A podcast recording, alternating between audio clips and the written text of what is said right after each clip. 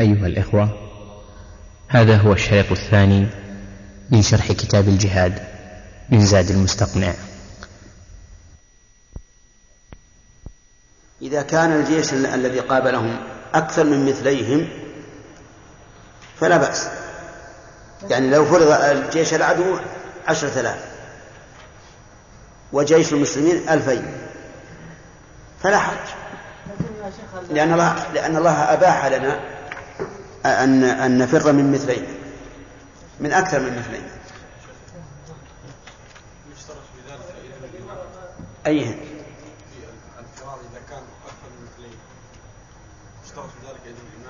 معلومة. ويجب على الإمام إذا رأى أن البقاء هلكة يجب عليه أن يأمرهم بالإنصراف. لكن على كل حال إذا أمكن أن يحرزهم على في جبل أو ما أشبه ذلك كما يذكر عن عن عمر رضي الله عنه أنه كان يخطب الناس يوم الجمعة فسمعوه يقول الجبل يا سادية فتعجب الناس كيف الجبل يا سادية فلما انتهى من الصلاة قال إن سارية بن زنين كان قد أحاط به المشركون. فكنت أوجهه أقول له الجبل يا سارية. ما في التلفون. أو في جمال ها؟ إيه؟ لا تلفون آخر. في. نعم. نقل كلام عمر لهذا الرجل وسمعه. فانحاز إلى الجبل فسلم نعم سامع. هل معتبر الآن جواز انهزام المسلمين أمام الكفار؟ إيش؟ هل معتبر الآن في جواز انهزام المسلمين أمام الكفار وقتل الحرب؟ العدد؟ الواقع أن في الوقت الحاضر في الوقت الحاضر أصبح الاعتماد على العدة أكثر إلا في في مقابلة الصفوف يعني نعم. حسب الحال. قد يكون القوة تقوم مقام العدد نعم. قوله وهي لمن شهد الوقعة من أهل القتال قال يقصدها قاتل أو لم قاتل أو لم يقاتل حتى تجار العسكر. نعم. وأج- وأجرائهم المستعدين. نعم. تجار العسكر؟ يعني هم كانوا يخرج أناس معهم بضائع طعام وغيره يبيعون. يبيعون. هذول يأخذون من الغنيمة. يأخذون لأنهم مستعدون. مستعدون للقتال. للقتال. إي نعم. يقول هل الربع هو ربع الأربعة الخماس الباقية بعد إخراج الخمس آه، التنفيذ التنفيذ سبق أنه ينفل في البداية الربع بعد الخمس في الرجعة الثلث بعد الخمس بمعنى أن السرية إذا ذهبت وقاتلت وغنمت وجاءت بغنيمة نأخذ منها الخمس يصرف مصرف الخمس. وأربعة أخماس نعطيها إذا كان في البداية. ربع الأربعة أخماس. والباقي يضم إلى غنيمة الجيش العامة. في الرجعة الثلث بعد الخمس. أفهمت يا محمد؟ هل فهمت أو لا؟ هذا. إذا كانت كثيرة أو قليلة قليلة أو كثيرة لا فرق.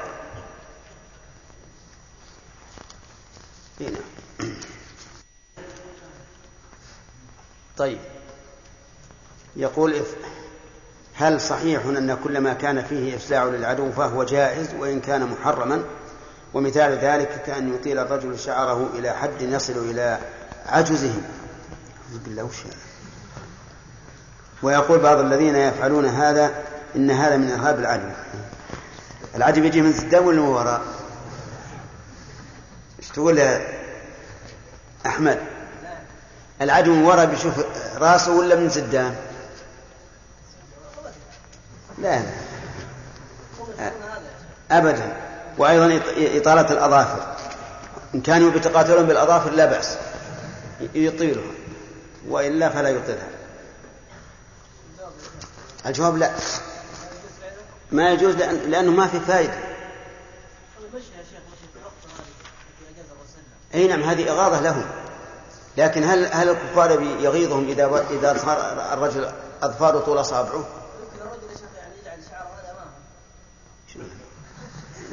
يغطي وجهه ما يشوف. على كل حال إطالة شعر الرأس ما في شيء يعني. في الأصل أنه يصل إلى إلى الكتفين أو إلى شحمة الأذن لكن كونه يطيلها أنا ما أعتقد أن العدو يرهب من إطالته. أنا أنا أخشى أنه بالعكس. طيب هذا سؤال هذا طويل. يكون السؤال بعد بيني وبينه لأنه نعم. وأن الآن الآيات والأحاديث ليس لها واقع عملي. وخاصة مثلا بعد هذا الصلح الأخير مع اليهود. نعم. يعني كأنه في الحقيقة بصورة أو بأخرى نسخ لما جاء عن الله الرسول من آيات الجهاد.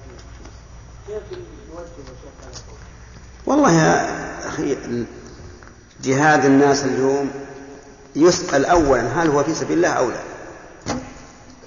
قبل كل شيء. خصوصا مع اليهود. أما مع الآخرين مثل البوسنة والهرسك مع الصرب والكروات فالظاهر أنه في سبيل الله. لأنه دفاعا عن المسلمين على الأقل يعني.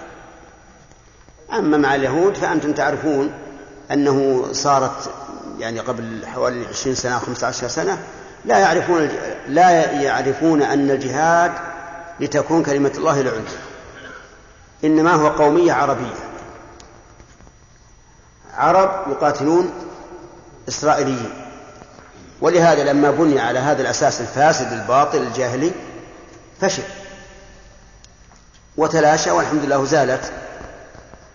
ونرجو أن لا تعود. فهذا يسأل أولا عن عن النية والإخلاص. وهل الذين يخلفون اليهود هل سيجعلون كلمة الله العليا؟ أيضا هذه ينظر. واقع المسألة كلها من حاسب. من نسأل الله السلامة.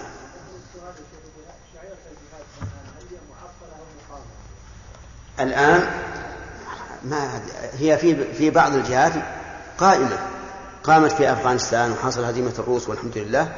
وهذه الآن في البوسنة والهرسك إن شاء الله سيهزم الصرب والكروات ومن ساعدهم. والصومال أيضا انهزموا الآن بدأوا يسحبون قواتهم. يجرون أذيال الخيبة وهكذا.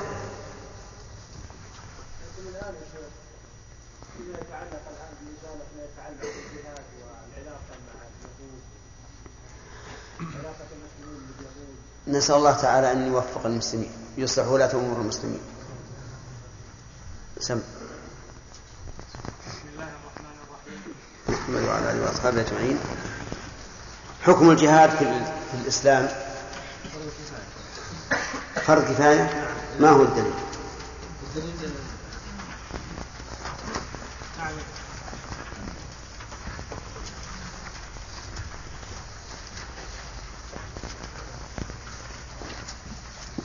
الدليل من الكتاب والسنة.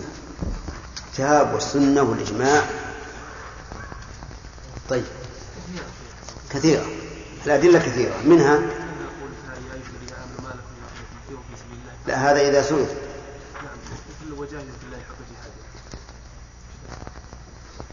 وين؟ يا أيها الذين آمنوا قاتلوا الذين يلونكم نعم.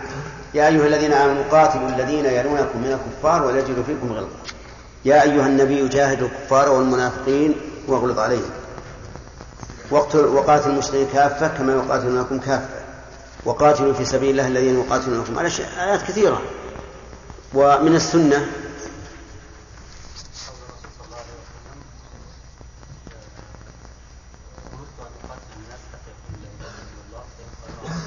طيب أمرت أن أقاتل الناس حتى يقول لا إله إلا الله. جاهدوا المشركين بأموالكم وأنفسكم وألسنتكم. طيب. الإجماع منعقد عليه أنه فرض كفاية. طيب. متى يكون فرض عين؟ أي نعم. نعم. الحالة الأولى إذا كان في الصف. نعم. والثانية؟ والثانية آه، أن يحاصر بلده. إذا حاصر عدو بلده. والثالثة؟ والثالثة إذا كان من يحتاج إليه. نعم. إذا كان مما يحتاج إليه. والرابعة؟ والرابعة أما أجبت عنها أولا؟ إذا إذا استنفره الإمام. إذا استنفره الإمام. تمام. ما هو الدليل للحال الأولى؟ أي نعم.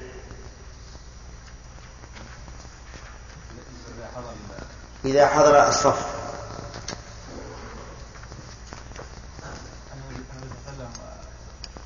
ذكر أن من الموبقات تولي يوم الزحف ذكر ذكر النبي صلى الله عليه وسلم أن من الموبقات التولي يوم الزحف. ولا في دليل قرآني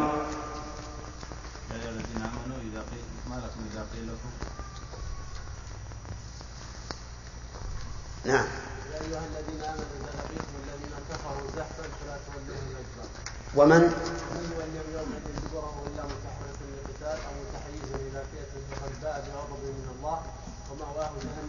المصير طيب. أحسنت. آه دليل الحال الثانية المنان. إذا حصر بلده عدو.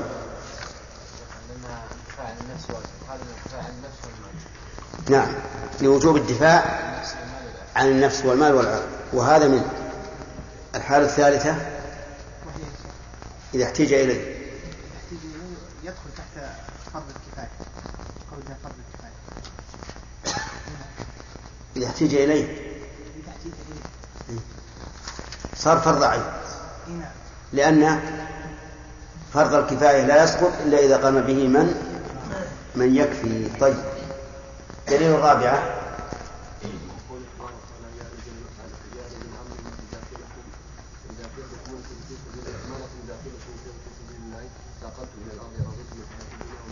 نعم يا أيها الذين آمنوا ما لكم إذا قيل لكم انفروا في سبيل الله اثاقلتم إلى الأرض. أرضيتم بالحياة الدنيا فما متاع الحياة الدنيا في الآخرة إلا قليل إلا تنفروا. يعذبكم عذابا أليما ويستبدل قوما غيركم ولا تضروه شيئا. والله على كل شيء قدير. طيب. ما الفرق بين المخذل والمرجف نعم. المخذل الذي يقول لا داعي لقتال العدو. و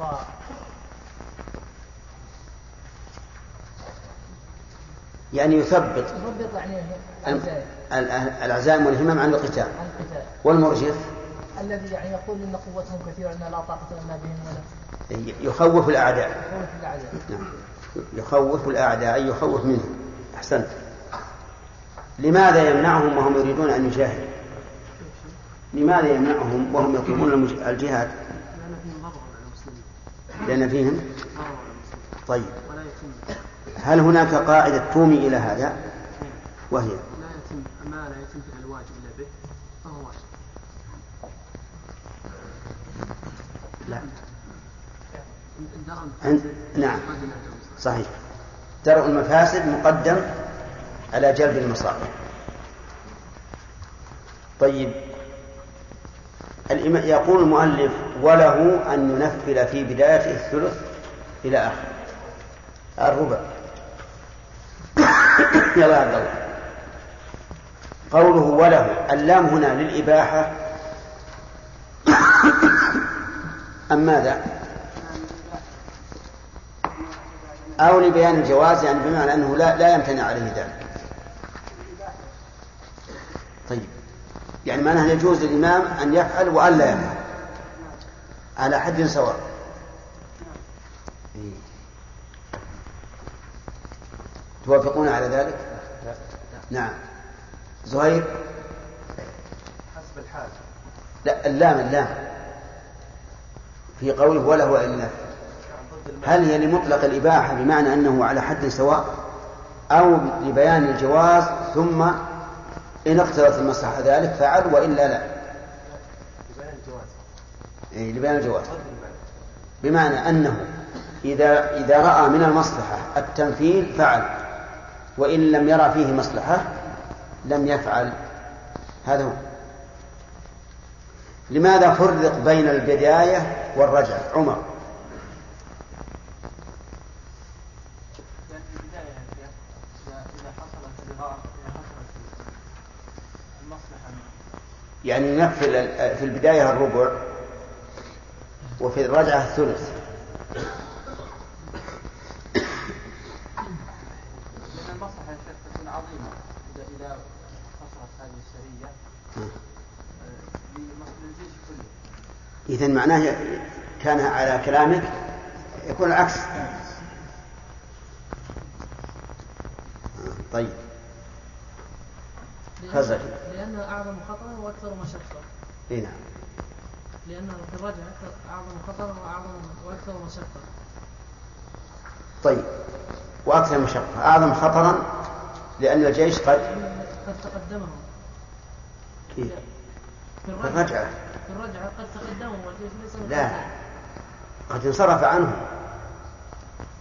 في الرجعة رجع. في رجعة تقدموا إذا. ما هو تقدم ما يقدر تقدموا قال؟ انصرف عنه. فليس لهم ردء يحميهم هذه واحدة. ثانيا.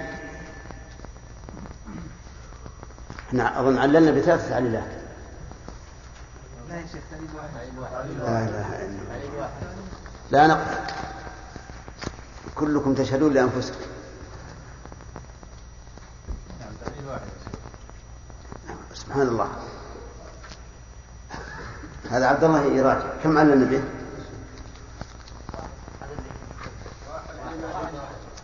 بارك الله فيك.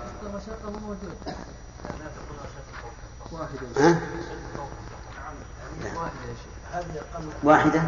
إيه، أجل أنا يمكن نسيت هو, هو, أشد لأ- لأنه لأن الجيش قد انصرف. هذه واحدة. ولأن العدو قد انتبه. في البداية ربما يكون العدو على غف- غفلة وعلى غرة. وهنا العدو قد انتبه وربما يكون في قلبه حنق. يريد أن ينتقم وثالثا أن الجيش لما فرغ من القتال صار متشوفا ومتشوقا إلى أهله. رجع الناس. كون الإنسان يرجع وهو الآن انفتح صدره للقاء أهله في مشقة شديدة. ولهذا كان التنفيل في الرجعة أكثر من التنفيل في إيش؟ في البدعة. واضح يا جماعة؟ أما البدعة فهي أهون لأن الجيش آه، يكمل أخذ لأن الجيش فهو رزق لهم. طيب هذه واحدة. ولأنهم غير متشوقين طيب يعني تعكس تعكس العلل طيب ولأن العدو أهم شيء أن العدو ربما يكون في غفلة يعني لم يستعد. كيف ذلك؟ يعني هذا التنفيذ كيف هو؟ لأنه أشكل على بعض الناس كمحمد الشرف. كيف يعني صورة المسألة؟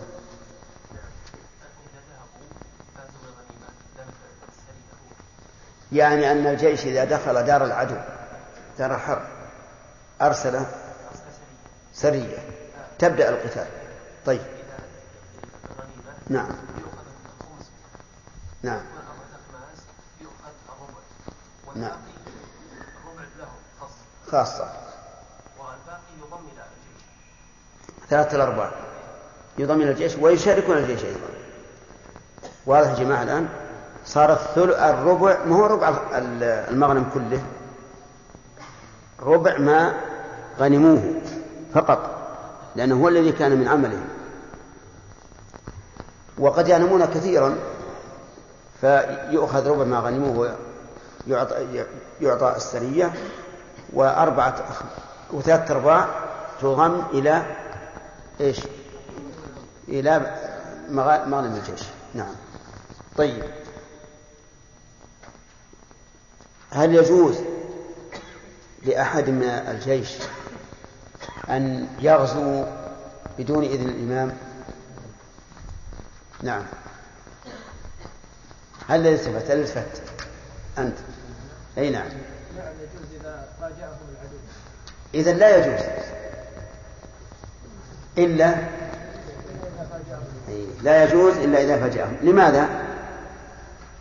لأن أصلا اليد واجبة يعني تؤخذ منها الإيمان أما إذا فاجأهم لا يستطيعون أن يذهبوا يأخذون الإبل أي نعم. لأن الواجب أن أن أن لا يتحرك بأي شيء إلا بإذن الإمام. ولأنه لو أبيح ذلك لحصلت الفوضى وصار كل جزء من الجيش يقول أنا سأحارب. أما إذا فجأهم العدو فهنا القتال من باب من باب الدفاع. لا بد منه. طيب.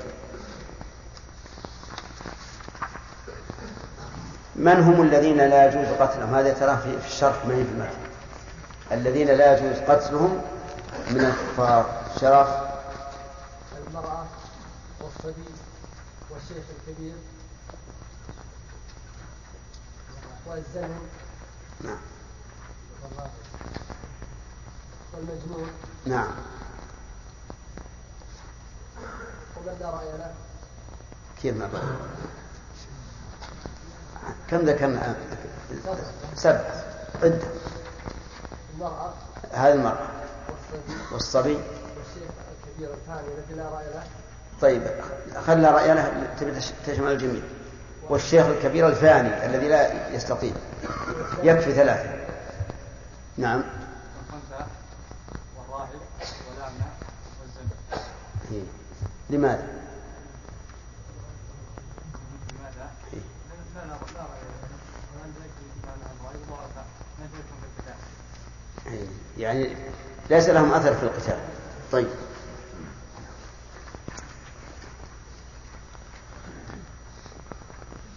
لو كان هذا الشيخ الكبير الفاني محمد السلامة لو كان رجلا ذكيا ممارسا للحروب عنده رأي يصدر الجيش عن رأيه هل يقتل أو لا؟ لماذا؟ له رأي في الحرب. لأن له أثرا في الحرب. لأن له أثرا في الحرب. هؤلاء الذين لم يقتلوا ماذا يكون حكمهم إذا سبوا؟ الحرب. طيب. يرجع فيه أن هؤلاء. نعم. أرقة يكون أرقة بمجرد السبب. صحيح. إذا سبي البالغ العاقل المقاتل. نعم مصطفى. الإمام فيه أربعة أربعة اختيارات. إما أن يقتله. يخير فيه الإمام. نعم. طيب. إما أن يقتله وإما أن يفدي نفسه بمال أو بنفس وإما أن بمال أو نفس زد. بمال أو مصلحة. أو أو مسلم أو آسر مسلم. طيب. بمال أو أو أو أسير أو منفعة. نعم. طيب. وإما أن أن يمن عليه مجانا وإما أن أن- يسترقه وفي الآ- وفي الآخر خلاف نعم. طيب هذا التخيير يا ال- الأخ لجنبك شرف هذا التخيير تشهي أو مصلحة؟ تبع المصلحة. تبع ما هو الضابط لتخيير التشهي وتخيير المصلحة؟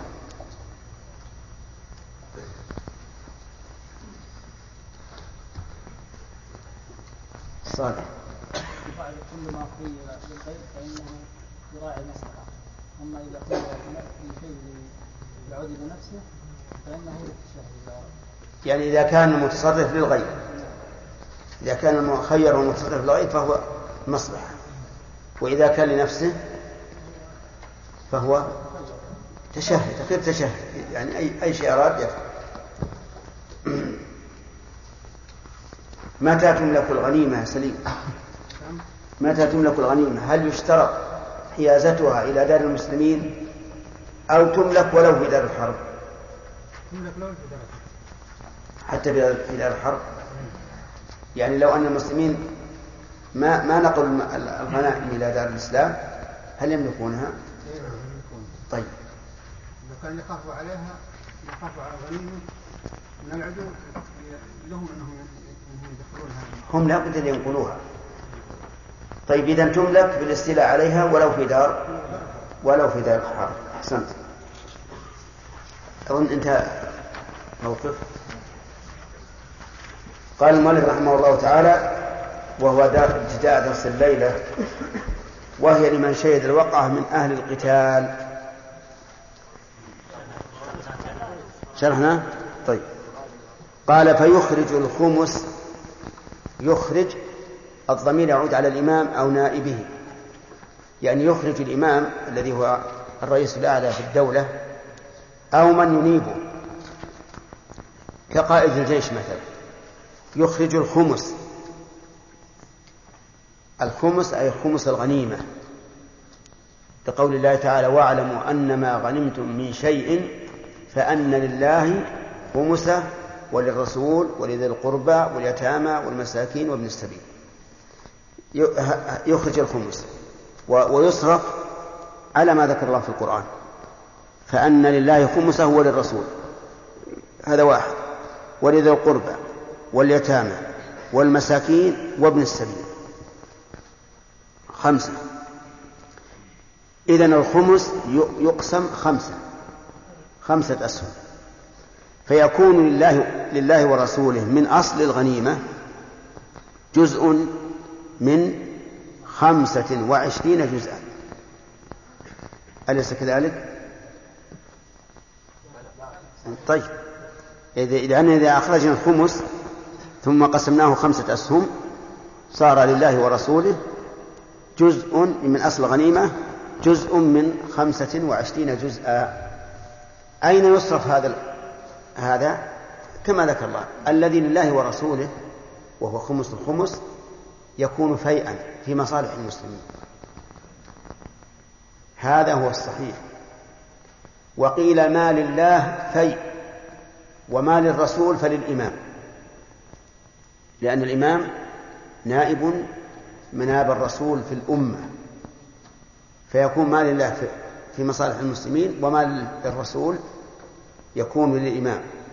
ولكن الصحيح أن ما لله والرسول فإنه يكون فيئا.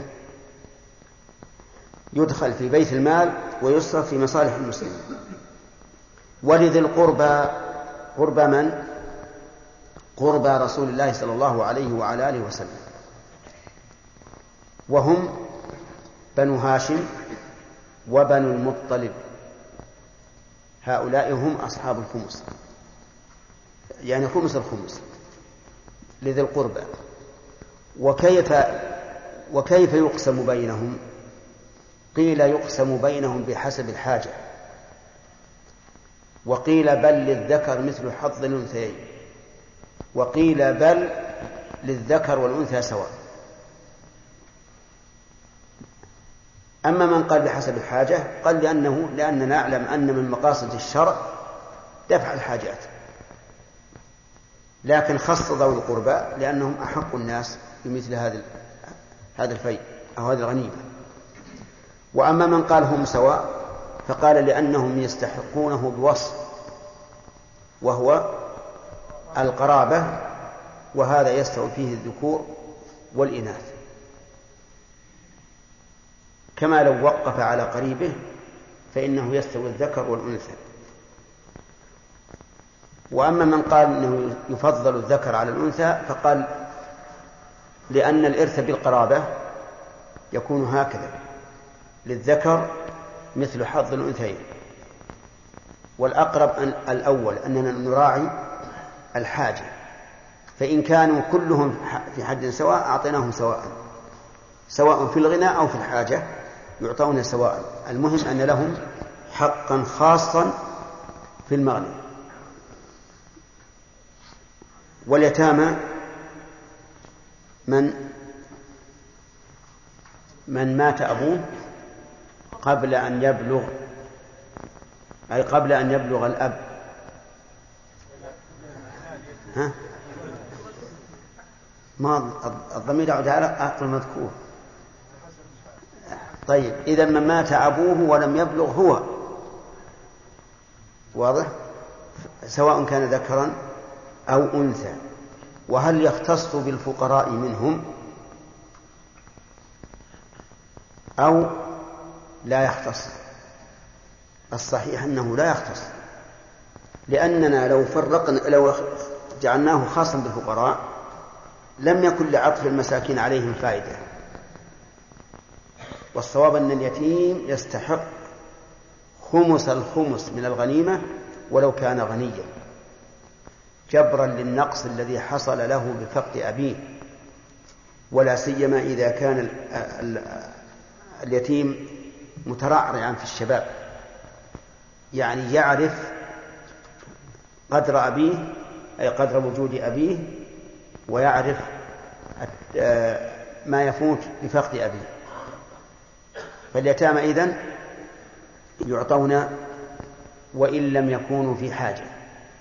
لكن لا شك أنه من كان أحوج فهو أحق. لو قدرنا أن خمس الخمس قليل فإننا نبدأ بمن؟ بالأحق فالأحق. والمساكين المساكين هم الفقراء. وهنا يدخل الفقراء في اسم المساكين. وابن السبيل هم المسافرون الذين انقطع بهم السفر فيعطون ما يوصلهم إلى سفرهم يعطون تذكرة أو متاعا أو ما أشبه ذلك مما يحتاجون إليه. طيب وهل هو كالزكاة؟ بمعنى أنه يجوز الاقتصار على واحد من هؤلاء؟ أو يجب التعميم. المشهور من المذهب أنه يجب التعميم. يعني أننا نعمم بحسب الحاج بحسب القدرة والطاقة. فمثلا اليتامى في البلد لا نقول إنه إنه يجزي أن نعطي ثلاثة منهم لأن هذا أقل الجمع بل نبحث عن كل يتيم في البلد ونعطيه. من هذا الذي هو خمس الخمس. أما مستحق الزكاة فقد عرفتم أنه يكفي إيش؟ يكفي واحد. يجوز الاقتصار على واحد. فإن قال قائل ما الفرق؟ قلنا الفرق هو أنه ثبت بالسنة جواز الاقتصار على واحد.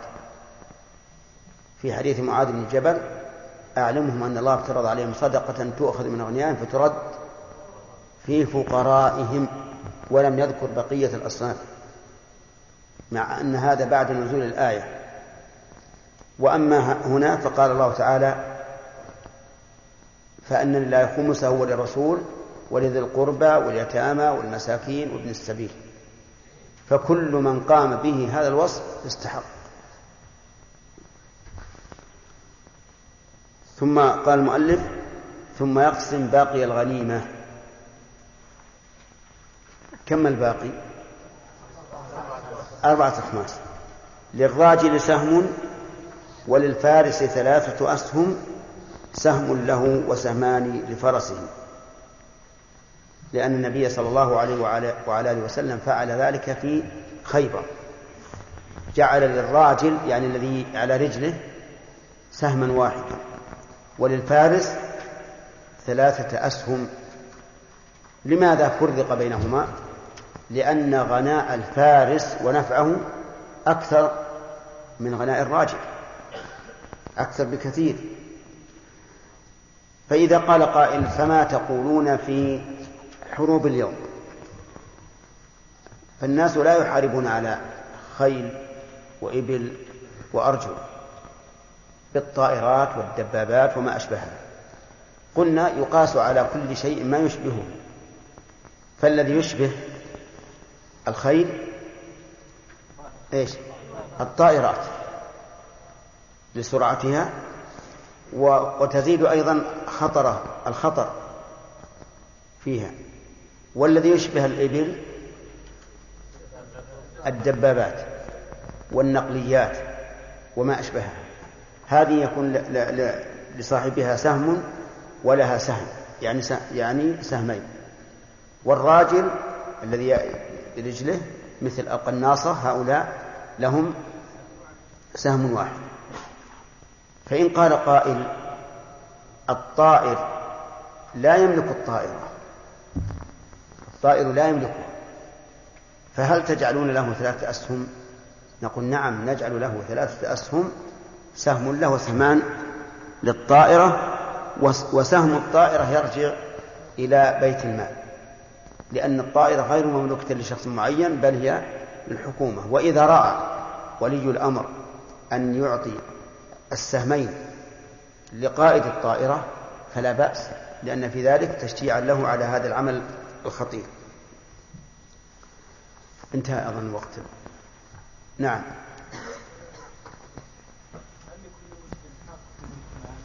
المسلم كل مسلم له حق. ولو لم يعمل لكنه يعني ما ما نعطي كل واحد. نبدأ بالأحوج فالأحوج. نعم. شيخ لو قال قائل أن إنما جعل للفارس ثلاثة اسهم لشدة خطورته على العدو ولذلك في الوقت الحاضر نرى اي أي المعدات أشد على العدو نعطيها هذا نعم. هي الطائرات. في الوقت الحاضر الطائرات الصواريخ جالس الواحد. ما عمل ما يخالف هي أشد ضرر في العدو لكن بالنسبة لعمل المجاهد ما ما هي شيء. الواحد في غرفة مكندشة وعنده عصير. نعم؟ والله أعلم بعد إن كان عنده شيء آخر. ويضغط الزر تنطلق القضية ما هي محتملة؟ ها؟ ما هي محتملة؟ ها؟ ما هي محتملة؟ شلون محتملة؟ إنها بشده لا لا. شدة الخطر وشدة الغناء للمسلمين كلها نعم. كمال. نعم يا يحيى. هل نقطع الآن بأن الجهاد ماضي إلى يوم القيامة؟ إن شاء الله. هو ماضي شرعا لكن الجهاد المسلح ولا الجهاد كل أنواع الجهاد أي نعم هل نحمل هذا على الجهاد المسلح ولا على غيره؟ لا ما دام يقاتلون هذا الجهاد المسلح لكن لا يمنع أنهم في يوم من في وقت من الأوقات لا يستطيعون هذا. لكن الجهاد يعني في كل سنه وفي كل عام وفي كل قرن فيه. قد يكون وقد لا يكون لأنه منوط بالقدرة. بس هذا أخبار يا شيخ. نعم. هذا. نعم. صحيح. إحنا نقول ماض شرعا. لا ماض قدرا. والماضي شرعا قد يتخلف. يعني ربما يكون في بعض الاعوام ما في جهاد. أي نعم ربما. وهذا وقد كان. وقد كان. نعم. ها؟ لمن تولى من الزحف. قلنا له آه،. نعم.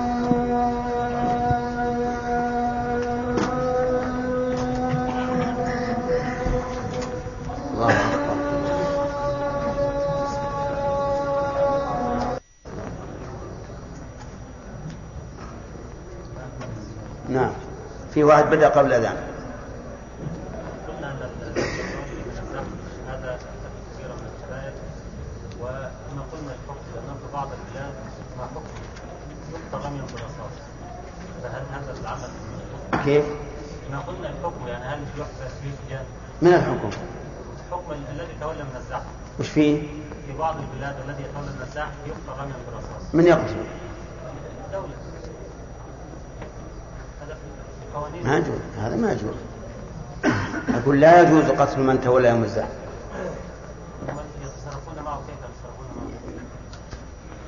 إذا لم يكن له عذر فهذه من جملة المعاصي التي قال العلماء إن فيها التعزير. لكن التعزير بالقتل لا يجوز. في يا شيخ نعم اول في درس دروس السياسة الشرعية قررنا أن ولي الأمر له أن يعني يجعل للعامل وان كان أقل عمل له راتب يعني أعلى. فالآن بالنسبة للموجهين الصواريخ قد يكون نفعهم أعظم وإن كان عملهم يعني أقل ومريح. ولكن نفعهم يا شيخ يعني أكثر بكثير. ما هو. ما هو بجهدهم؟ بجهد الصاروخ. لا يا شيخ في بعضهم قد يوجهون الصواريخ إلى أماكن معينة وتحتاج إلى دراسات و... على كل حال ينظر. إذا كان يحتاج إلى جهد وعناء فينظر فيه. نعم. ها؟ كان السؤال له أول. ما ما يخ ما يخ نعم. العمليات الانتحارية يكون بها بعض الجنود ما رأيك فيها؟ كيف هي؟ يعني يا شيخ يتسلحون بأسلحة متفجرات. نعم. يدخلون على العدو. نعم. ما رأيك فيها؟ رأيي أنهم قتلوا أنفسهم. ما هي ضرورة؟ هي ضرورة. لكن شيخ الإسلام رحمه الله قال إنه إذا كان إن فيه نفع عظيم للمسلمين ما هو قتل عشرة من العدو أو عشرين نفع عام للمسلمين فلا بأس به. واستدل بقصة الغلام الذي كان يدعو الناس إلى توحيد الله وكان فيه ملك يقوله إنه هو ربهم وأخذ هذا الغلام وألقاه من شاهق وألقاه في البحر وكل يأتي فقال له هذا الغلام اجمع الناس وإذا اجتمعوا فخذ سهما من كنانة ثم قل باسم رب هذا الغلام وارمني به.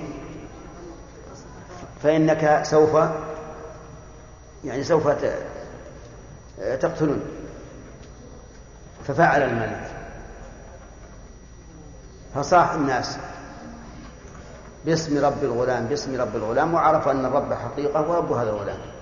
وأما البراء بن مالك فإنه ليس منتحرا. هذا الرجل اللي تقول منتحر يقين بيموت والبراء بن مالك مو بيقين. اي ولو رمي مو بيقين ولذلك نجا.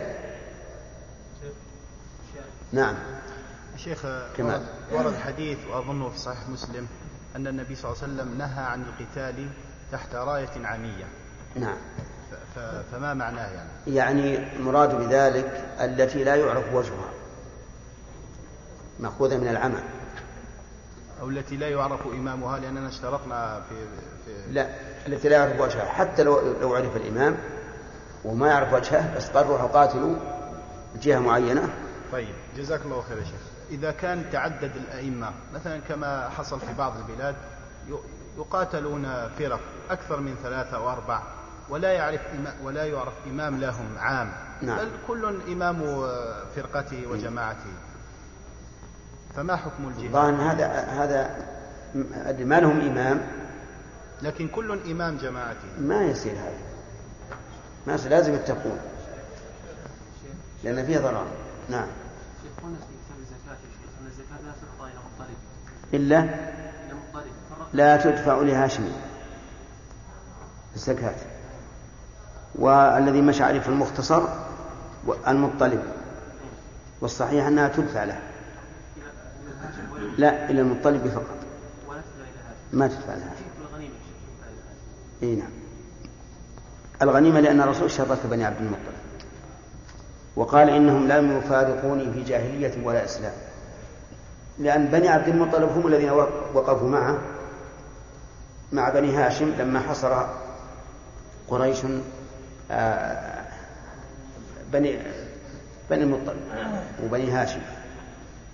فلذلك أعطاهم النبي صلى الله عليه وسلم من الخمس وأما الزكاة فإنه لم يمنع. قال الزكاة لا تحل لآل محمد فقط. انتهى الوقت. يعني شيخ مهم يزاد فيه. إحنا قلنا إذا كان الدرس مهم قد نزيد بعض الوقت. أنا عندي سؤال مهم يا شيخ. لا. آه. عشر دقائق.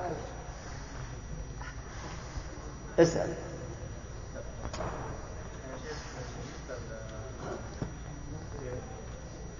بعض الحروب يرسل الإمام أحمد الأعداء. نعم. فهذا يأخذ يعني في أي قسم الجيش هذا المسلمين صالح المسلمين فقط يكون في أي قسم. إيش؟ يكون في أي قسم يعني يأخذ كم سنة هذا يعني مهمته صعبة ه- اي نعم نعم. هذا يعطيه ال- الإمام نفل نفل يزيد من عنده. وله سهم الأصلي. نعم. حميدي شيخ بالنسبة للشظايا الآن شظايا القنابل والقذائف لها ثمن وهي كثيرة ومنتشرة في البلاد الحربية فهل الإمام يقول كل من التقط من التقط الشظايا أنهم يملكها؟ أي نعم. إذا رأى المصلحه في ذلك فلا بأس. نعم. شيخ ما ما دليلنا عندما رجحنا ان أن مال الرسول صلى الله عليه وسلم لبيت المال؟ نعم. الدليل. فعل الصحابة والخلفاء الراشدين. نعم. إذا كان عملية الانتقال قتل رئيس كافر فاسق يفسد في الأرض. نعم. هل المصلحة العامة لا. لأنه يأتي بعد الكلب كلبان قد يأتي خيرا منه وقد يأتي أكلب منه. قد وقد والانتحار مفسدة ظاهرة. لأن النصوص من قتل نفسه بحديد ومن قتل نفسه بسم ومن قتل عامة. ولولا قصة الغلام يقولنا ما يجوز حتى ولو كان فيه نفع عظيم للمسلمين. بالنسبة للأسلحة المقاتل يستخدم أسلحة والأسلحة مملوكة لبيت مال المسلمين؟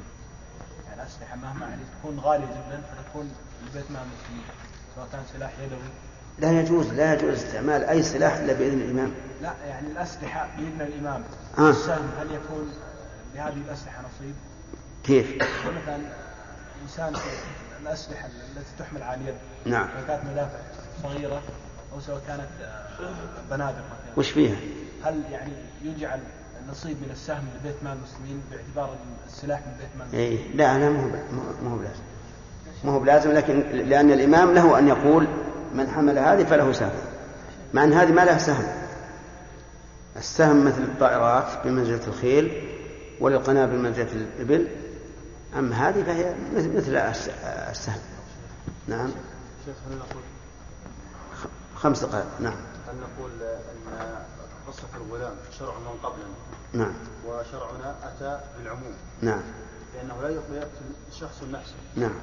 وشرع من قبلنا هل يخص شرعنا؟ نعم. إذا ذكر الرسول عليه الصلاة والسلام هو على من فضلك. اقلب الشريط.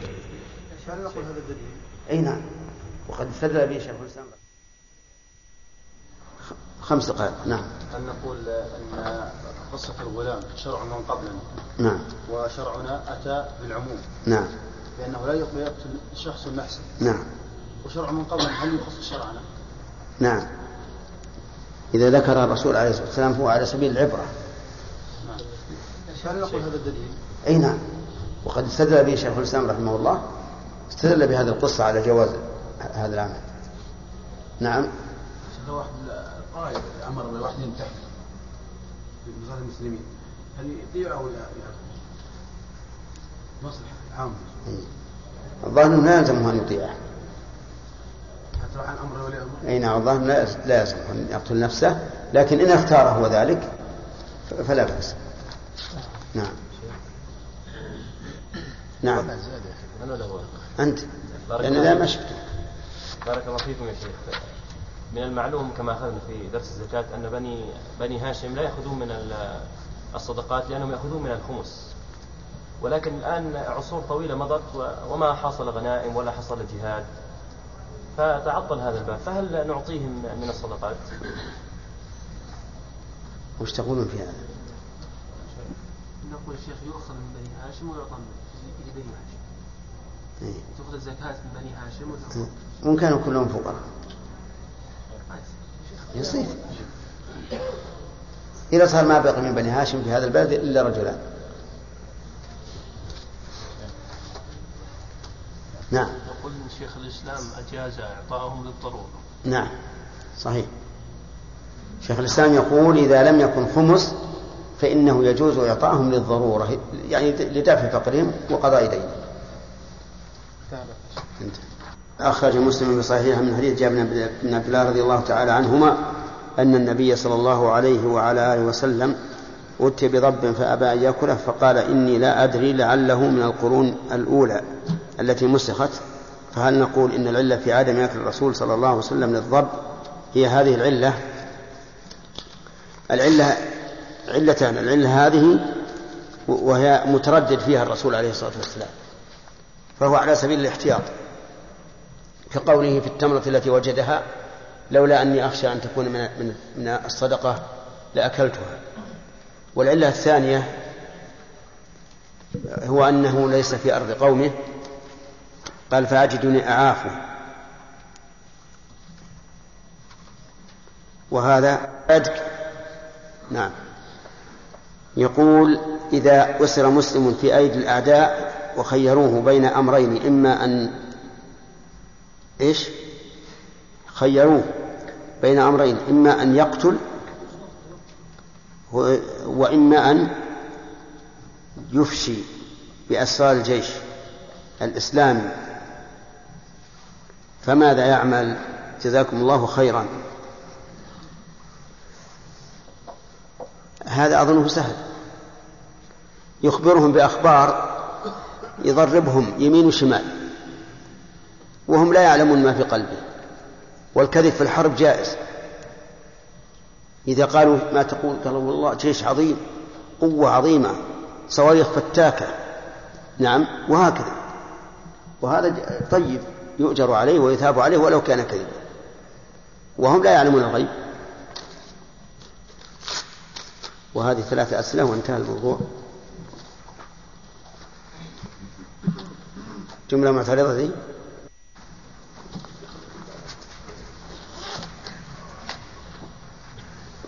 الصلاة والسلام على رسول الله. صلى وسلم عليه قال المصنف رحمه الله. ويشارك الجيش سراياه فيما غنمت ويشاركونه فيما غنم. والغال من الغنيمة يحرق رحله يحرق رحله كله إلا السلاح والمصحف وما فيه روح. وإذا غنموا أرضا فتحوها بالسيف خير الإمام بين بين قسمها ووقفها على المسلمين. ويضرب عليها خراجا مستمرا يؤخذ ممن هي بيده. والمرجع في الخراج والجزية إلى اجتهاد الإمام. ومن عجز عن عمارة أرضه أجبر على إجارتها أو رفع يده عنها. ويجري ويجرى فيها, يجري. ويجري فيها الميراث. وما أخذ من مال مشرك كجزية وخراج وعشر وما تركوه فزعا وخمس خمس الغنيمة ففيء ففيء يصرف في مصالح المسلمين. بسم الله الرحمن الرحيم. الحمد لله رب العالمين وصلى الله وسلم على نبينا محمد وعلى آله وأصحابه ومن تبعهم بإحسان إلى يوم الدين. كيف تقسم الغنيمة؟ عبد الله. أولا أخماسا. طيب. نعم. يقسم خمسة أسهم نعم. سهم الله ورسوله وسهم ذي القربى وسهم اليتامى وسهم المساكين وسهم ابن السبيل نعم. والأربعة أسهم تقسم على الجيش آه، للراجل سهم ولصاحب الفرس ثلاثة أسهم سهم له وسهمان للفرس سمعتم؟ يقول تقسم أولا خمسة أسهم. فيؤخذ الخمس يوزع أيضا خمسة أسهم. سهم لله ورسوله وسهم لذوي القربى وسهم لليتامى وسهم للمساكين وسهم لابن السبيل. آه، فمن المراد ب فما فإلى أي شيء يصرف سهم الله ورسوله؟ المنان. أنه فيئا يصرف في بيت المال يصرف في مصالح المسلمين يجعل في بيت المال يصرف في مصالح يصرف في مصالح المسلمين. طيب. وما المراد بذوي القربى؟ سعود. ذوي القربى؟ نعم. من قرابة النبي صلى الله عليه وسلم. من أي من أين يبدأون؟ يبدأون من بني بني طالب وعبد بني طالب. بني طالب. المطلبي والهاشمي. إيه، عاد فسر المطلب. يعني لو قلت المطلبي أخذنا على على القبول لكن ما ندري وش تعرف المطلبي هذا المسلمين يريدون من القرابة من بني طالب وبني هاشم من وال من هو المطلبي؟ بني عبد المطلب. بنو عبد المطلب. والهاشمي؟ طيب. آه،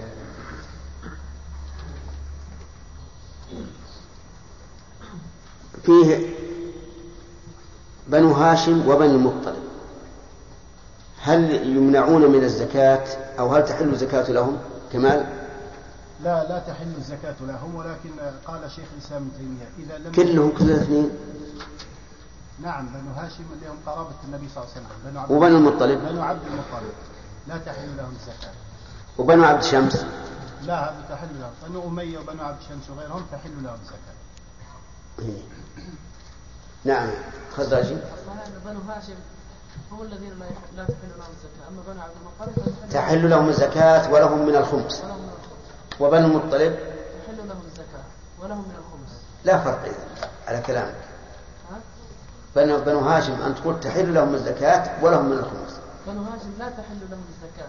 ولهم من الخمس. ولهم من الخمس. وبنو المطلب تحل لهم الزكاة ولهم من الخمس. تمام. وبنو عبد الشمس وبنو نوفل تحل لهم الزكاة فقط. وليس لهم من الخمس شيء. مع أن هؤلاء الأربعة إخوان. لكن لما كان بنو عبد الشمس وبنو نوفل معادين للرسول عليه الصلاة والسلام لم يستحقوا من الخمس شيئا. على أن بني عبد المطلب فيه خلاف. يقول أبو طالب في قصيدته في قصيدته المشهورة اللامية المشهورة التي قال ابن كثير فيها هذه أقوى من المعلقات السبع. المعلقات السبع قصائد للعرب مشهورة آه، اختاروا أن تكون معلقة في جوف الكعبة.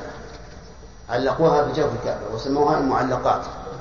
يقول هذه اللامية أقوى من المعلقات وأحق بأن تكون معلقة في الكعبة.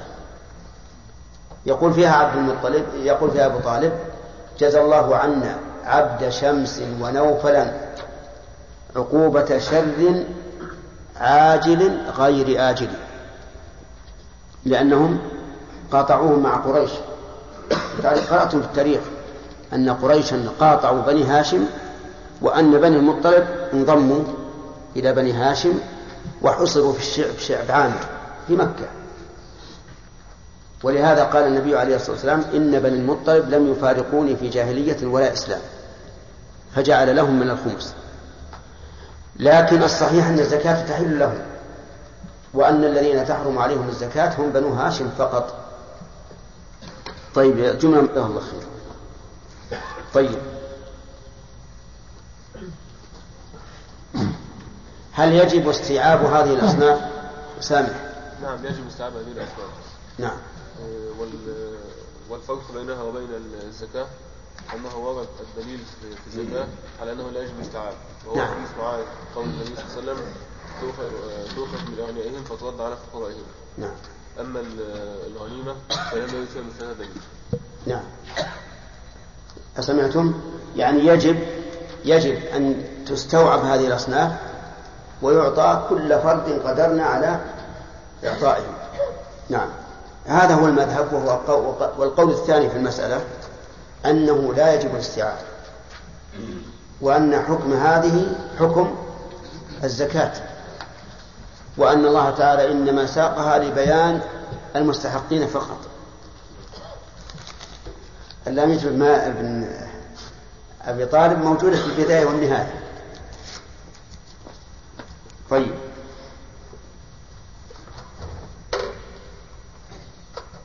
هذا القول هو الراجح. القول الراجح أنه لا يجوز لا يجب استيعابهم كالزكاة تماما. ويمكن أن نقول هذا أعني قول الرسول عليه الصلاة والسلام تؤخذ من أغنياءهم وتبدو على فقرائهم يدل على أن الاستيعاب ليس بواجب. أي آية؟ أي آية؟ لبيان المستحقين فقط. طيب. لماذا جعل للفارس ثلاثة أسهم ول- وللراجل سهم واحد لأنه معرض للخطر أكثر من غيره طيب.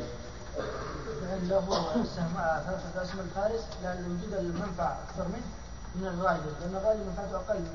تمام. نعم. لأنه أكثر نفعا في الحرب فأعطي ثلاثة أسهم نبدأ الآن الدرس نعم. تحديد الفارس والفارس العربي نعم. التفريق بين الف- الفرس العربي والهجين ظاهر لأن الهجين أشبه ما له البغل. ما في خير. لا انتهينا تكلمنا عنها. بيناها قال المؤلف ويشارك الجيش بسم الله الرحمن الرحيم. قال المؤلف ويشارك الجيش سراياه فيما غنمت ويشاركونه فيما غنم. لأن الجيش واحد. سراياه التي يبثها إذا دخل دار الحرب. وسبق أن أنه يمكن أن يبعث سرية في ابتداء القتال وسرية في في الرجوع بعد القتال. ما ما غنمته السرايا يضم إلى إيش؟ إلى غنيمة الجيش. وكذلك غنائم الجيش تضم إلى غنائم السرايا. لكن سبق أن للإمام أن ينفل الثلث في الرجاء والربع في البدء. أو بالعكس. نعم. طيب. ويشارك الجيش سراياه فيما غنمت ويشاركونه فيما غنم. عندي قال, قال ابن منذر روينا أن النبي صلى الله عليه وسلم قال ترد سراياهم على قعدهم. وعلى كل حال العلة واحد العلة واضحة أن هذا جيش واحد. انطلق في وجه واحد فصار فصاروا شركاء. ثم قال المؤلف والغال من الغنيمة يحرق رحمه. الغال هو من كتم شيئا مما غنمه واختصه بنفسه والغلول من كبائر الذنوب. وقد قال الله تبارك وتعالى وما كان لنبي أن يغل ومن يغلل يأتي يأتي بما غل يوم القيامة. وما كان نبي أن يغل ومن يغلل يغلل يأتي بما غل يوم القيامة.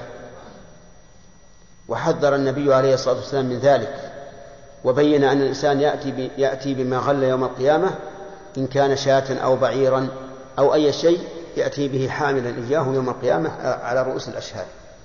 فهو إذن من كبائر الذنوب. حتى أن الرسول عليه الصلاة والسلام ذكر أن رجلا غل نعلي من المغنم وأخبر أنهما نار على هذا الغال والعياذ بالله. فماذا يصنع به في الدنيا؟ قال المؤلف يحرق رحله كله إلا السلاح والمصحف وما فيه روح. يحرق. ظاهر كلامه أن هذا واجب. يعني يجب أن يحرق رحله. إلا السلاح. كالسيف والبندق وما أشبه ذلك. والمصحف لاحترامه. وما فيه روح لأن ما فيه الروح لا يعذب لا يعذب بالنار مثل البعير والفرس. ما الذي بقي؟ بقي باقي الدراهم التي كدراهمنا الآن وهي أوراق. وبقي الرحل أوعية الأواني. وبقي الشداد اللي على البعير وبقي السرج. والمقود وما أشبه ذلك. المهم يحرق وهنا نقول لماذا يحرق أفلا يكون من الأحسن أن يضاف إلى الغنيمة؟ أو من الأحسن أن يؤدب صاحبه بالضرب مثلا ويكون المال له؟ فنقول لا. أما كونه أما قولنا إن الأحسن أن يضاف إلى الغنيمة لأن إحراقه إضاعة مال فالجواب عنه أن المقصود بهذا التحريق هو إيش؟ التنكيل بهذا الرجل. ومصلحة التنكيل أكبر من مصلحة ما يضم إلى بيت المال أو إلى الغنيمة من المال. فيكون في هذا مصلحة أكبر من مصلحة المال الذي يحصل لو لم يحرق وأما كونه يعني يحرق ولا يتلف بنوع آخر أو يتصدق به فلأن هذا هو الوارد عن الصحابة رضي الله عنهم. قال يزيد بن جابر السنة في الذي يغل أن يحرق رحمه. ولكن هل كلام المؤلف صحيح في أنه يجب إحراقه؟ أو نقول إن الإحراق راجع إلى اجتهاد الإمام؟ المذهب أنه يجب إحراقه. والذي اختاره شيخ الإسلام ابن تيمية رحمه الله أن هذا راجع إلى اجتهاد الإمام. فإن رأى من المصلحة أن يحرق حرقه. وإن رأى أن يبقيه أبقاه. ولكن لا بد أن ينكل بهذا الغالب. قال وإذا, وإذا غنموا أرضا إذا غنموا الواو يعود وهي الفاعل تعود على المسلمين. أرضا يعني من الكفار. فتحوها بالسيف. ويسمى الفتح بالسيف عنوة. يسمى عنوة. لأنهم أخذوها قهرا. فإذا غنموا أرضا فتحوا أرضا بالسيف يقول خير الإمام بين قسمها ووقفها على المسلمين ويضرب عليها خراجا مستمرا إلى آخره. مثال ذلك قاتل المسلمون قرية ففتحوها وجلى عنها أهلها وصارت بأيدي المسلمين كالغنائم من الأمتعة وغيرها مما ينقل. فماذا نصنع؟ نقول يخير الإمام بين شيئين. إما أن يقسمها بين الغانمين وإما أن يوقفها على المسلمين عموما ويضرب عليها خراجا مستمرا. فإن قسمها على المسلمين فله في ذلك سلف. وهو النبي صلى الله عليه وسلم فإنه قسم أرض خيبر بين المسلمين. وإن لم يقسمها وجعلها وقفا للمسلمين. وأعطاها الناس وضرب عليها خراجا مستمرا فله في ذلك سلف وهو عمر بن الخطاب رضي الله عنه. فإن عمر بن الخطاب قال إذا قسمت الأرض بين المقاتلين الآن لم ينتفع بها من بعدهم. وهي أرض ليست شيئا منقولا تتلف بممر الزمن بل هذه ستبقى أبد الآبدين. فكوني أقسمها بين الغانمين وتبقى ملكا لهم يتوارثونها فيما بينهم ويتبايعونها فيما بينهم هذا يحرم من؟ يحرم بقية الأجيال. أجيال المسلمين فأنا أبقيها وقفا وأضرب عليها خراجا.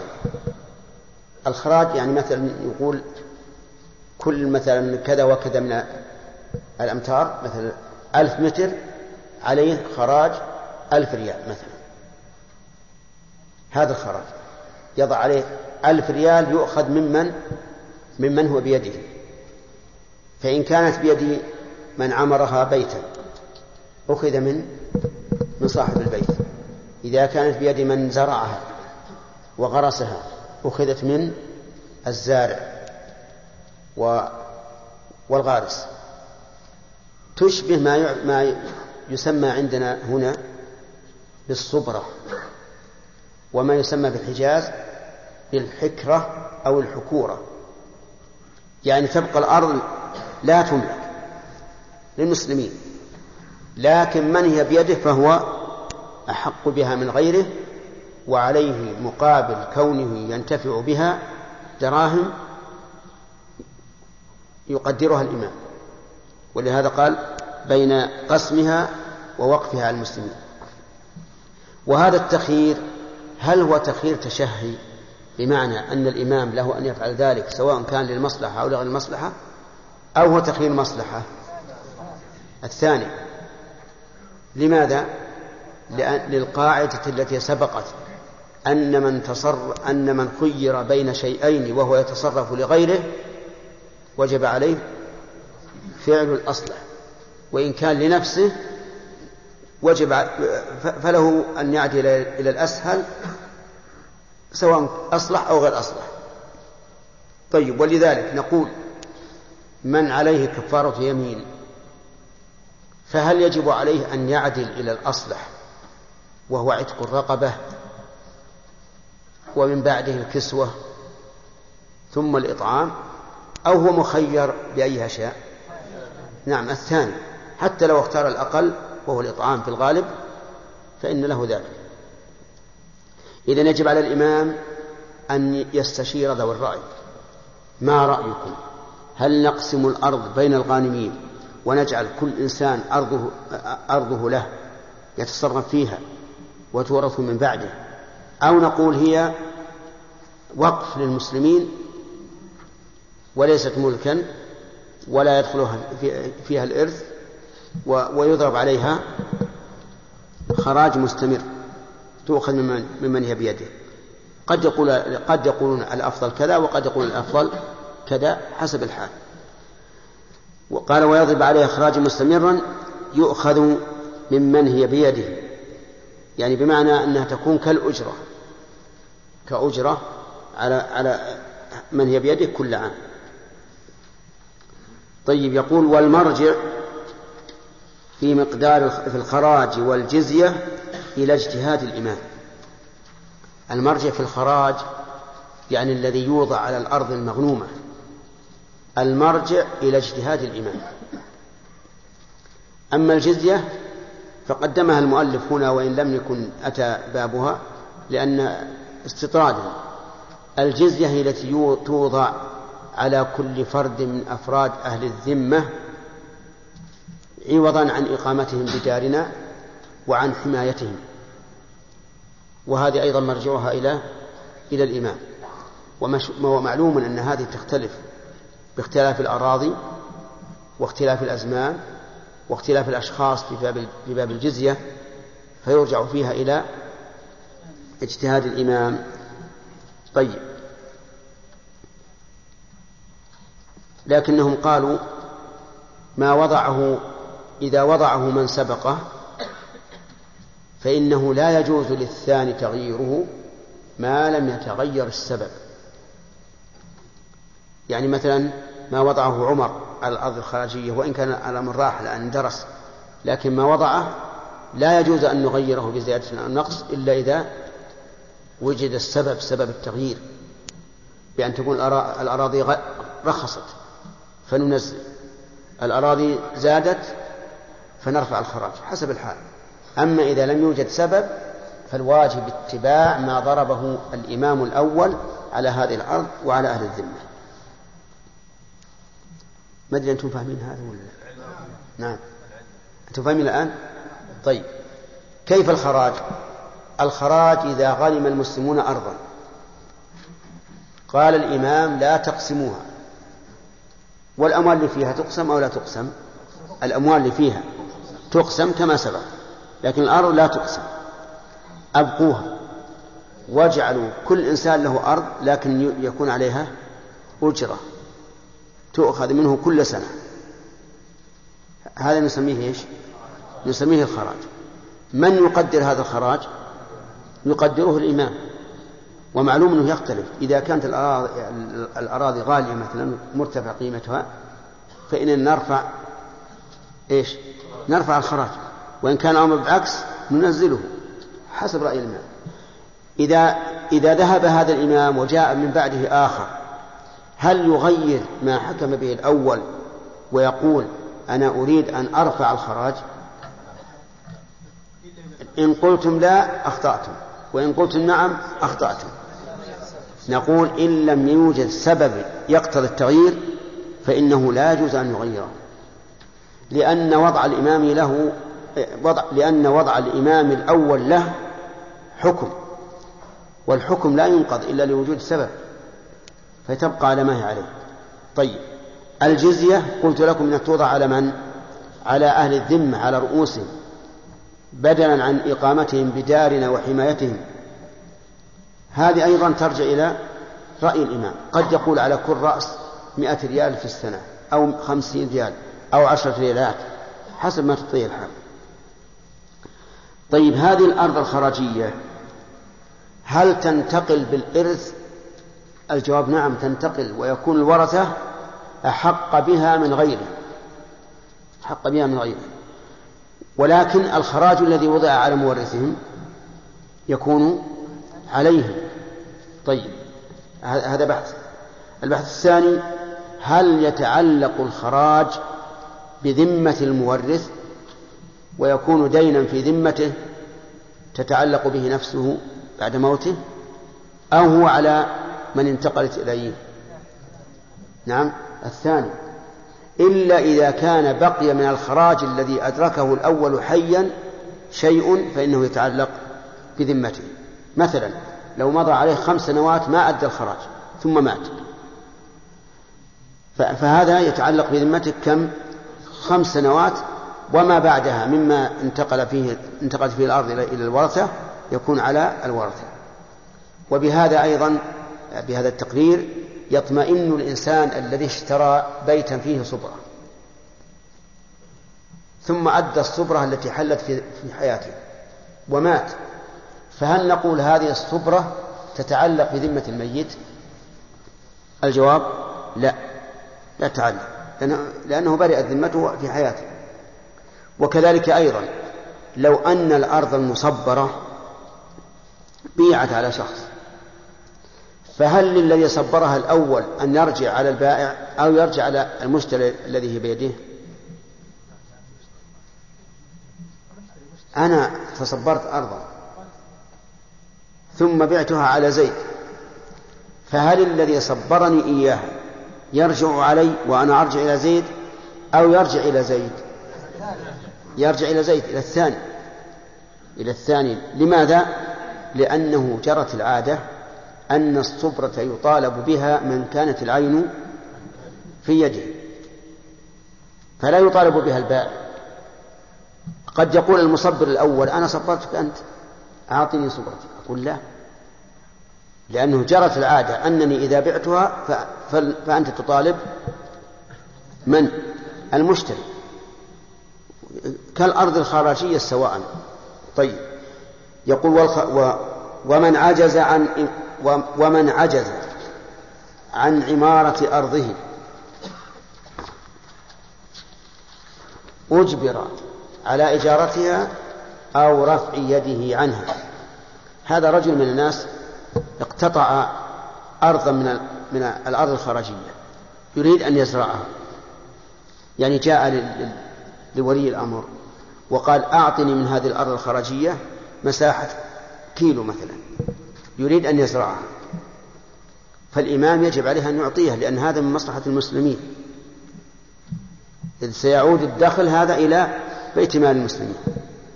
أخذها ثم عجز عن عمارتها. نقول له يجب عليك أحد أمرين. إما أن ترفع يدك ليأخذها غيرك وإما أن تؤجرها. أن تؤجرها. لماذا؟ لأنه إذا عجز عن العمارة وبقيت أرضا بيضاء وأردنا أن أن نطالبه بالخراج من أين نأخذ؟ يضيع حق المسلمين.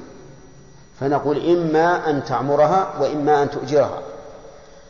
وهل يعطى مهلة؟ نعم يعطى مهلة. لو قال أمهلوني شهرا. فإننا نعطيه مهلة شهر بشرط أن لا يفوت وقت الزرع.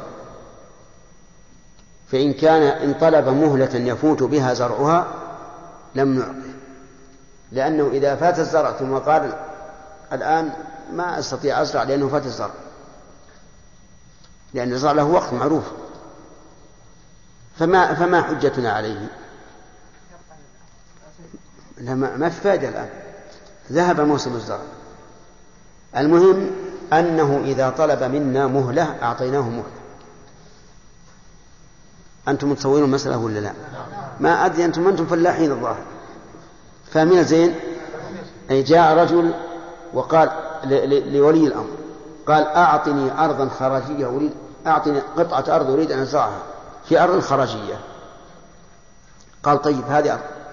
قدر له أرضا وأعطاها إياه بناء على أنه يريد أن يزرعها. لكن الرجل عجز. عجز عن زرعها ماذا نقول؟ نقول إما أن تؤجرها أو ترفع يدك عنه. قال أمهلون.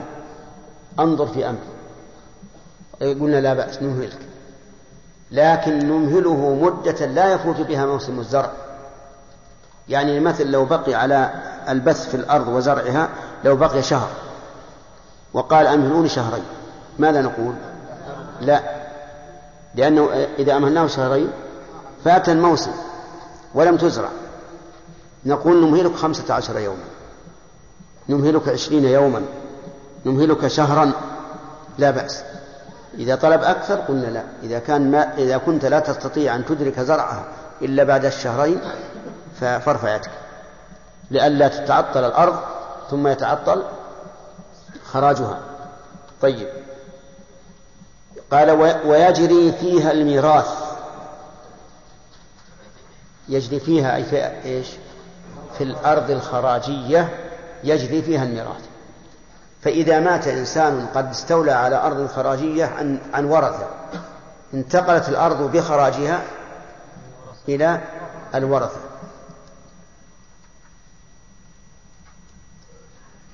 وأظن سعود ما فهم المسألة. فهم زين؟ طيب.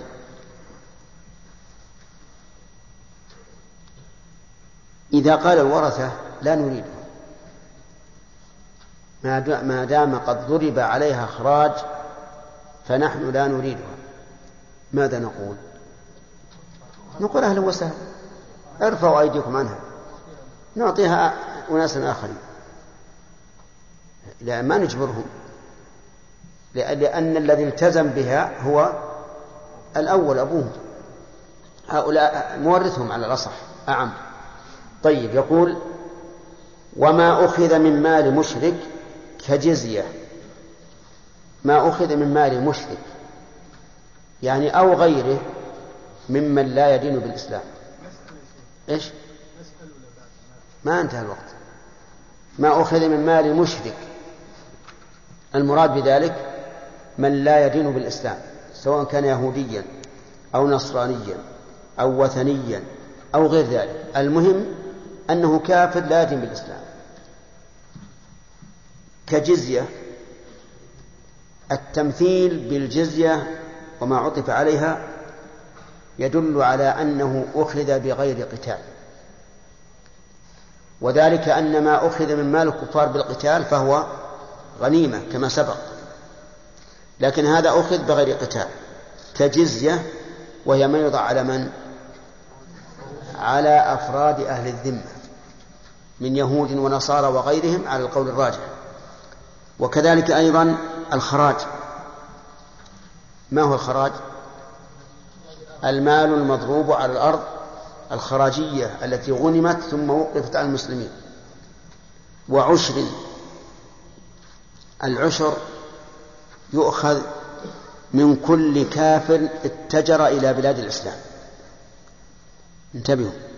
كل كافر يورد التجارة على بلاد الإسلام يؤخذ منه العشر. إن كان حربيا أخذنا منه العشر. إن كان ذميا أخذنا منه نصف العشر. حق لنا. ما هو هذا مكس؟ ليس هذا بمكس. حق لنا نحن المسلمين لأنه إذا أورد التجارة إلينا من المستفيد؟ هو. هو. المستفيد أولا هو. فنأخذ منه العشر إن كان حربيا. لكن كيف يكون حربي ويورد علينا تجارة؟ ها؟ يكون مستأمن. يكون مستأمن. لأنه يجوز أن يطلب الأمان ليدخل التجارة ويبيعه ويمشي. فهذا حربي أخذ الأمان. أما لو كان حربيا دخل بغير أمان إيش نعمل فيه؟ ناخذه هو ماله. نعم؟ لأنه حربي. لكن إذا كان حربي إذا كان حربيا طلب الإيمان دخل طلب الأمان ودخل بأمان نقول ناخذ عليك العشر عشر التجارة. عرفتم؟ إذا كان اللي معه يساوي عشرة آلاف ناخذ ما يساوي ألفا. أما إذا كان ذميا فهو نصف العشر لأن الذمي له شيء من الحق. وإن كان مسلما لا نأخذ شيء. إذن الناس ثلاثة أقسام. ذمي حربي ومسلم. الذ- الذمي نأخذ منه نصف العشر يعني واحد في العشرين. والحربي نأخذ منه عشرة كاملا يعني واحد في عشر من عشرة. والذمي لا يحل لنا أن نأخذ منه شيئا. آه المسلم المسلم نعم. والمسلم لا يحل لنا أن نأخذ منه شيئا لأنه محترم بماله و و ونفسه. الآن جاء السؤال يا كمال. شيخ ها؟ العشر. إيش؟ لا بأمان دخل بأمان. أوردنا هذا السؤال وأجبنا عنه. إن كيف يدخل هو حربي إن دخل هو حربي بدون أمان أخذنا كله. بأمان نأخذ منه العشر سؤال. شيخ ذكرتم بارك الله فيك مسألة وأوضحتموها ولكن ما فهمتها وهو وهي إذا كان يعني الأرض خراجية كانت لأحد ولم يدفع الخراج مدة خمس سنوات مثلا ثم عجز فأعطيت لغيره فهل المال الخمس سنوات مال الخمس سنوات. نعم. على غيره ممن صدرت له لا. أم على الأو- الأول ما استطاع أن؟ طيب. إذا لم يستطع ليس عليه شيء. قد نقول القائم على ولاية الأرض. إذا كان مفرطا فربما نضمنه إياه. كيف كان مفرط؟ يعني الذي يجبي الخراج. مفرط. يرى هذا لكنه قريب له ولا صاحب له يترك. نضمنه أما إذا لم يكن الأمر كذلك ولا كل كل سنة نرجو أن يكون هذا قادرا فهذا لا شيء له ما هي دين يا شيخ ما هو دين عليه. لا، لا. لا ما, ما يستطيع هذا. هذا ما استطاع. ليست في ذمته انتهى ما ما يستطيع. نعم. شيخ هل يجوز التجارة مع الكافر الحربي مع القدرة على الاستغناء عنه والتجارة مع اي هو على كل حال ولي الأمر. لا بد أن ينظر هل من مصلحة المسلمين أن تدخل أموال هذا الرجل إلى المسلمين لينتفعوا بها؟ افرض أنه يهرب يهرب سلاح. يهرب سلاح للمسلمين يقاتلون به عدوهم. هذا فيه مصلحة. ولهذا يوجد الان يوجد مثلا في البوسنه والهرسك أناس كروات وصرب يهربون السلاح للمسلمين. ليش؟ لأنهم يأخذون المسلمين يأخذون السلاح بأكثر قيمة كبيرة. فهذا فيه مصلحة لنا. نعم. آه، قلت يا شيخ حفظكم الله أن الحرب إذا نبي يستعمل ناخذه ونأخذ ماله نعم. طيب نأخذ ماله إلى بيت مال المسلمين؟ هذا عاد إذا إذا إذا كان على وجه الغنيمة كما لو كان بقتال فهو غنيمة. وإلا ففي لبيت مال المسلمين. أو لمن أخذه إذا أخذه على وجه شرعي. نعم. شيخ الإمام أن يزيد عن العشر من التاجر الحربي أو نصف عشر من التاجر؟ هذا ينبني على أنه هل ما رتبه الخلفاء الراشدون في هذه المسألة هل هو سنة أو حكم قضاء مؤقت؟ إن قلنا بالأول فليس أن نزيد وإن قلنا بالثاني فللإمام أن يزيد وينقص أيضا. والله اللي يظهر لي أن هالمسائل هذه إذا لم تكن صادرة من النبي صلى الله عليه وعلى آله وسلم أنها من من أمور القضاء الوقتي. يعني الذي رأى الخلفاء في ذلك الوقت أنها من أنسب نعم. نعم. فلم يستطع إعطاء الخراج هل يسقط عنه يكون دينا؟ نعم. سمعتم؟ يقول إذا إذا فسد الزرع في الأرض الخراجية فهل يسقط الخر- الخراج؟ نقول لا يسقط. لا يسقط كالأجير. إلا على قول من يقول وهو اختيار شيخ الإسلام أن الجوائح تعتبر حتى في مثل هذه الحال. وأنه وأنه يقدر النقص. فشيخ الإسلام يرى أن الجوائح لا تختص بالثمار. أي نعم. ولكن الخراج يؤخذ منه. إذا مثلا لم تسقط على على إذا قلنا لا تسقط يؤخذ منه. يؤخذ من نفس الثمرة. لا يؤخذ من, من الرجل لأن الخراج دراهم مضروبة دراهم مضروبة في ذمة صاحب الأرض. شيخ؟ نعم. بالنسبة لبعض البلاد أي إنسان يدخل إليها تجارة سواء ذمي أو حربي أو مسلم يطلبون عليه موسمة الجمارك حتى لو كان استعمال الشخص فهل هذا جائز لمن؟ ما ما ذكرنا هذه يا جماعة. ذكرناها قريبا. لا بغير السياسة هنا ذكرناها الآن. الآن ذكرناها. المسلم لا قلنا أن المسلم لا يجوز أن يؤخذ من ماله شيء والذمي يؤخذ نصف العشر. لا لا. يتجر ويصبر. يتجر ويصبر على ظلم الولاة. ما وش أنا ما ماذا هذا تصرف الولاة غير جائز. لكن بالنسبة للمأخوذ منه ماذا يصنع؟ النبي عليه الصلاة والسلام قال اصبر وإن ضرب ظهرك وأخذ مالك. شيخ. هنا شيخ. نعم. شيخ بارك الله فيك. في نسختي يقول في الزاد وما أخذ من مال مشرك بغير قتال كجزية. إيه. إحنا ذكرنا هذا. قلنا قولك كجزية هذا التمثيل للتقييد. يعني بغير قتال.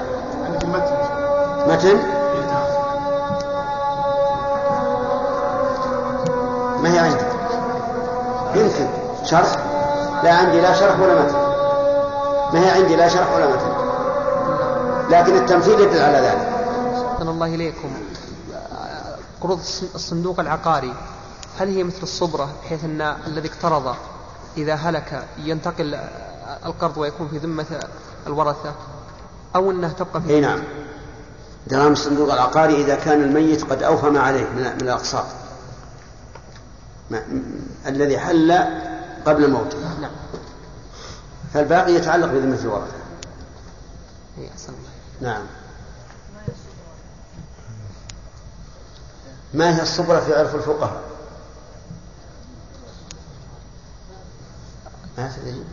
ما قرأتم في في كتب الشريعة؟ كتاب البيع؟ وين مستواك أنت؟ إيه. الصبرة عند الفقهاء الكومة من الطعام كومة من البر كومة من التمر العبيد. تسمى صبرة.